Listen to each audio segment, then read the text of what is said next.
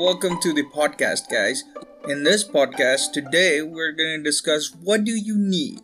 Is there anything in the entertainment industry that might be able to help me in my startup or business journey? And I think there's a lot of shows out there that can help you, like Shark Tank or The Apprentice, if you want to believe it. But I'm today going to talk about something that is related to the psychological game. I'm going to talk about one TV show one entertainment industry show that has really impacted me as a business person. And that show today I'd like to discuss is Survivor. Now, today you might think I have lost my mind. Okay, why does he think we need Survivor? We need to watch Survivor. But you really look at it. The theme of Survivor is outwit, outlast, and outplay. The thing about outwitting, outlasting, and outplaying goes well to investment industry and the startup industry. Think about this. You've thought of an idea. The next day you start the idea. Next year, you're going to have 10 to 15 customers that are willing to invest on you or willing to buy your product. But when you have a customer, what you create is a chance for a competitor. When you have a competitor, what it creates is this need for a bigger market. When you have a bigger market, what are the three things that you need to remember? You need to outwit everybody, you need to outlast everybody, and you need to outplay everybody. And in the startup industry, when you need to survive, Survivor is the best show to watch.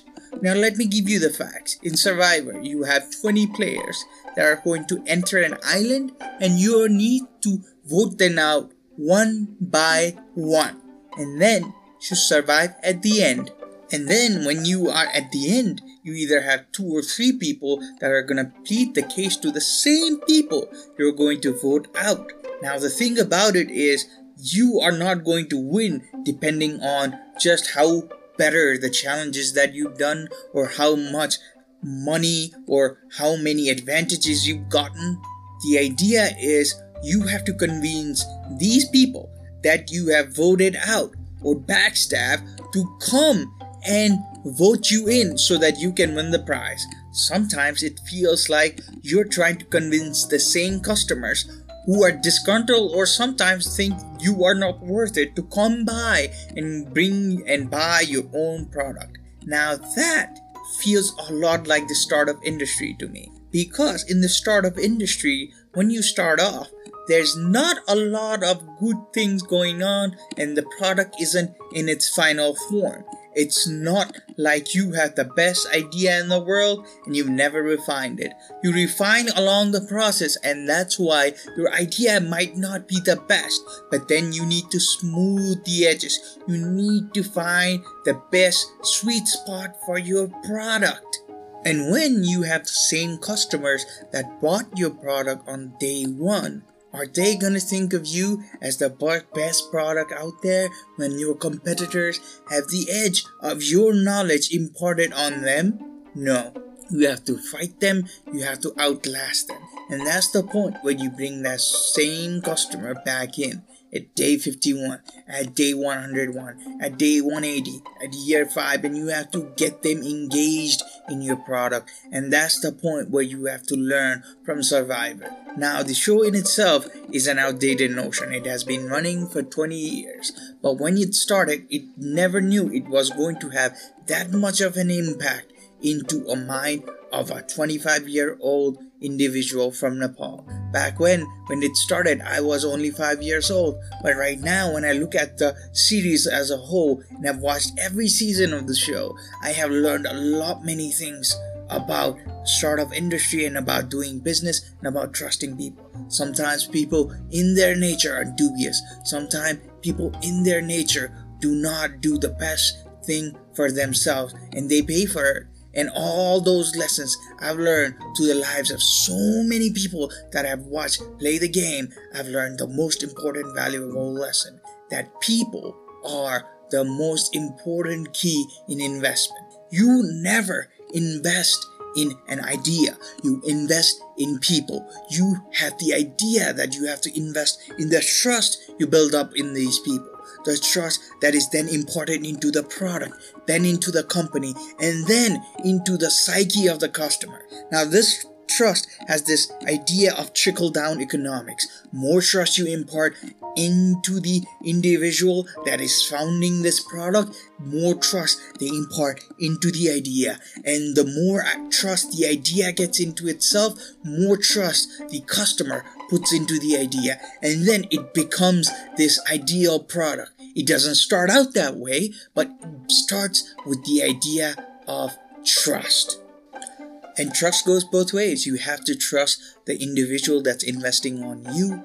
As a startup founder, you have to think about those people are putting their life savings on you, and you must always remember these are the same people who are always and at always at odds at never investing on you.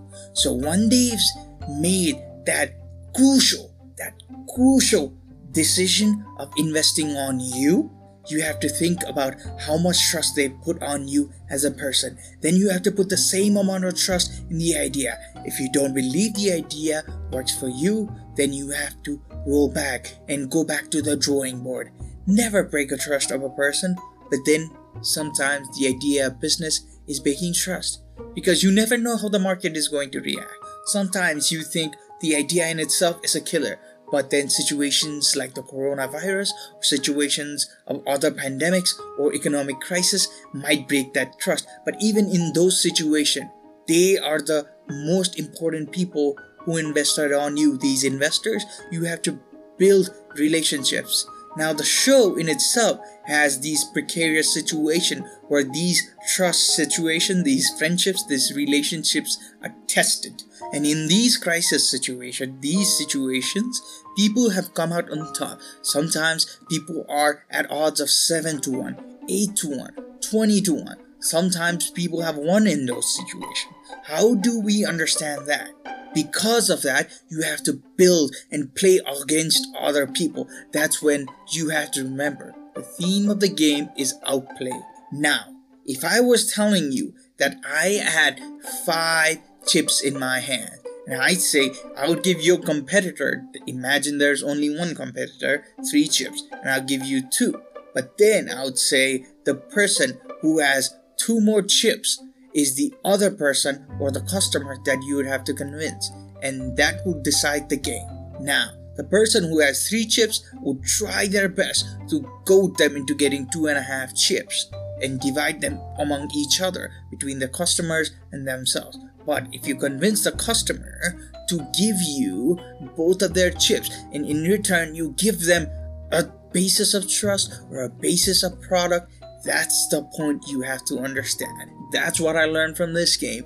People have been doing that since the first season of Survivor. When Richard Hatch, a man who had nothing, who had nothing, walked off from that pedestal and still won in that final challenge, that made me realize there's a power in the power of persuasion.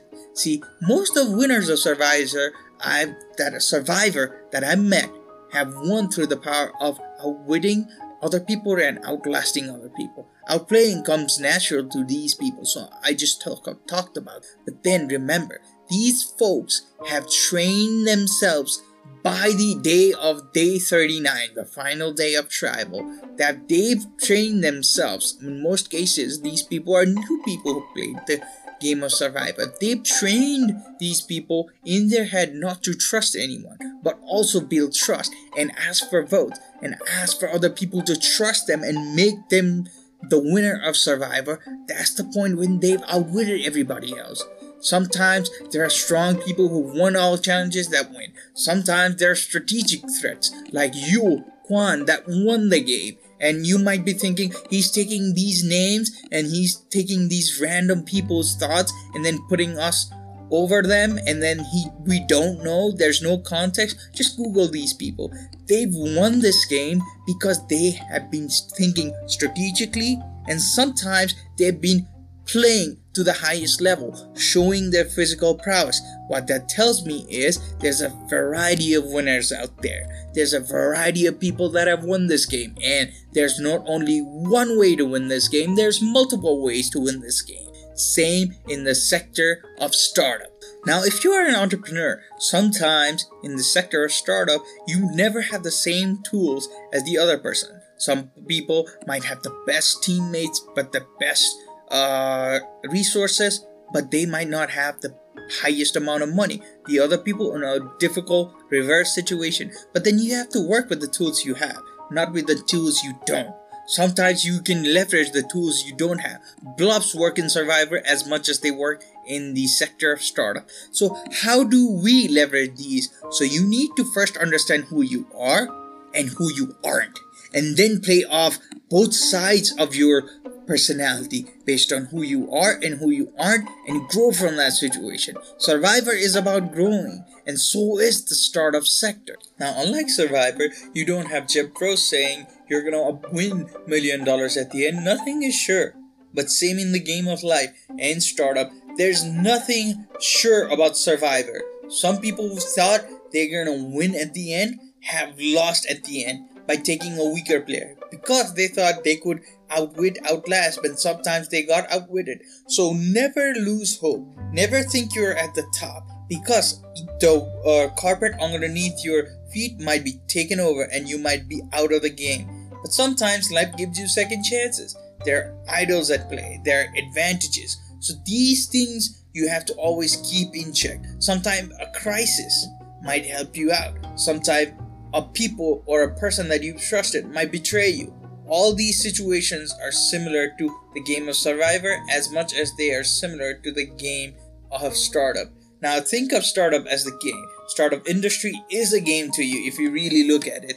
Nothing really bad happens, nothing really worse happens if you lose the game, but you might lose the trust of an individual. Have you lost a friend? If you lo- if you've lost an in- investor if you lost somebody who invested on you if you lost their trust have you lost them forever? You have to think about all these risks and go forward. Now when you talk about risk the biggest risk in life is losing your head and losing your cool. Similar to the startup and similar to the game of survivor most folks don't understand that. Even in the game of Survivor, they don't understand the fact that there's a lot of folks out there that don't know how to play this game. And they're gonna overthink it, they're gonna over dramatize their situation, and that's what gets them at the end, you know? They're not gonna outlast, outwit, and outsurvive in this situation. Now, the most important thing about not thinking too much is not comparing the game of Survivor and start up in the same situation. Yes, you can learn about the whole show, you can learn about the game, but sometimes you gotta let your body flow and then you gotta adapt to your situation. Okay? So it's not always sure that you're gonna win. You're never sure that the customer is going to react the same way, but sometimes you have to iterate. Just like day 1 is never the same as day 39 in the game of Survivor, it's never same to you since day 1 of your startup to day five of your startup because you're learning new things are coming up. New customer behaviors are coming up. New investors are coming up. And never lock you down. Your alliances that you make with your investors until it's written in pen and paper just like until it's written in the voting booth and the voting paper and survivor it's never written down. So don't put all your eggs in one basket. That's the most important lesson that i've learned through the game of survivor. Now putting your eggs in all one basket that means you put trust in only one person. You know what that does to you? That creates a narrow tunnel vision. You cannot co-work with other people. There are people who paid through that price. And sometimes they might be your strongest ally, but sometimes they might be too toxic for you. Sometimes an investor might just see the short vision. Now, how do you cut ties with that person? My idea is think about the game of Survivor. Just like when they want to win the game, they have to please the people they voted out or they don't like to vote them in. What they do is they convince them that they're the best people in the world and that's how they win the game. That's how you need to think. Even your competitors need to like you. They need to despise your sales number, but they, as a person, as an individual, must like you as an individual because uh, inherently in business, there's nobody who's sane, nobody who's your own, there are no permanent relationships. It's similar to politics. Now, if I define politics, survivor, and startup in the same realm, it's all about human relationships. If you can curate your human relationships based on what you need to know and what you need to understand about your competitors, that's when you won the game. You're not playing the product, you're not playing the market, you're playing the people. When you're playing the people, you're always trying to win through people's aid. Always remember, you never win alone. You always win together. It's clear in the game of Survivor. It's clear at the game of Startup. But the core difference between Survivor and your game of Startup is the one most important thing that you need to understand. In the game of Survivor, there might be only one winner. In the game of Startup, there can be multiple winners. Think about your investor, think about you, think about your customer, the whole world in general, all your employees. They're all winners. If your product wins, they all win. So you need to form those allies you, your idea, your whole personality, and all the love, care, and trust you put in your product is the culmination of what you need to do to win this game okay? And I need to think and I need to understand that's your perspective in human emotion when you're putting it into the startup industry. Now, I've talked and said a lot about startup, but essentially it's just a business, people. You need to make those human relationships. You need to understand that these are the most important aspect of your personality that you need to put into now. Now, I like to end this podcast with saying just the most important thing. Don't think of it as a game don't think of it as too much of a big thing. Just think of it as the most human relationship you ever built through an intangible, incorrigible thing. That's when you won the game, okay? That's my comparison between Survivor and the game of Startup. Now, if you understand, if you like, share, you know, all these things to my podcast, I love it. But if you think, no, this was far fetched, tell me why I was wrong, give me reasons. And if you're a fan of Survivor, you know, I hope uh, Tony Vlachos wins this Survivor Season 40. Thank you.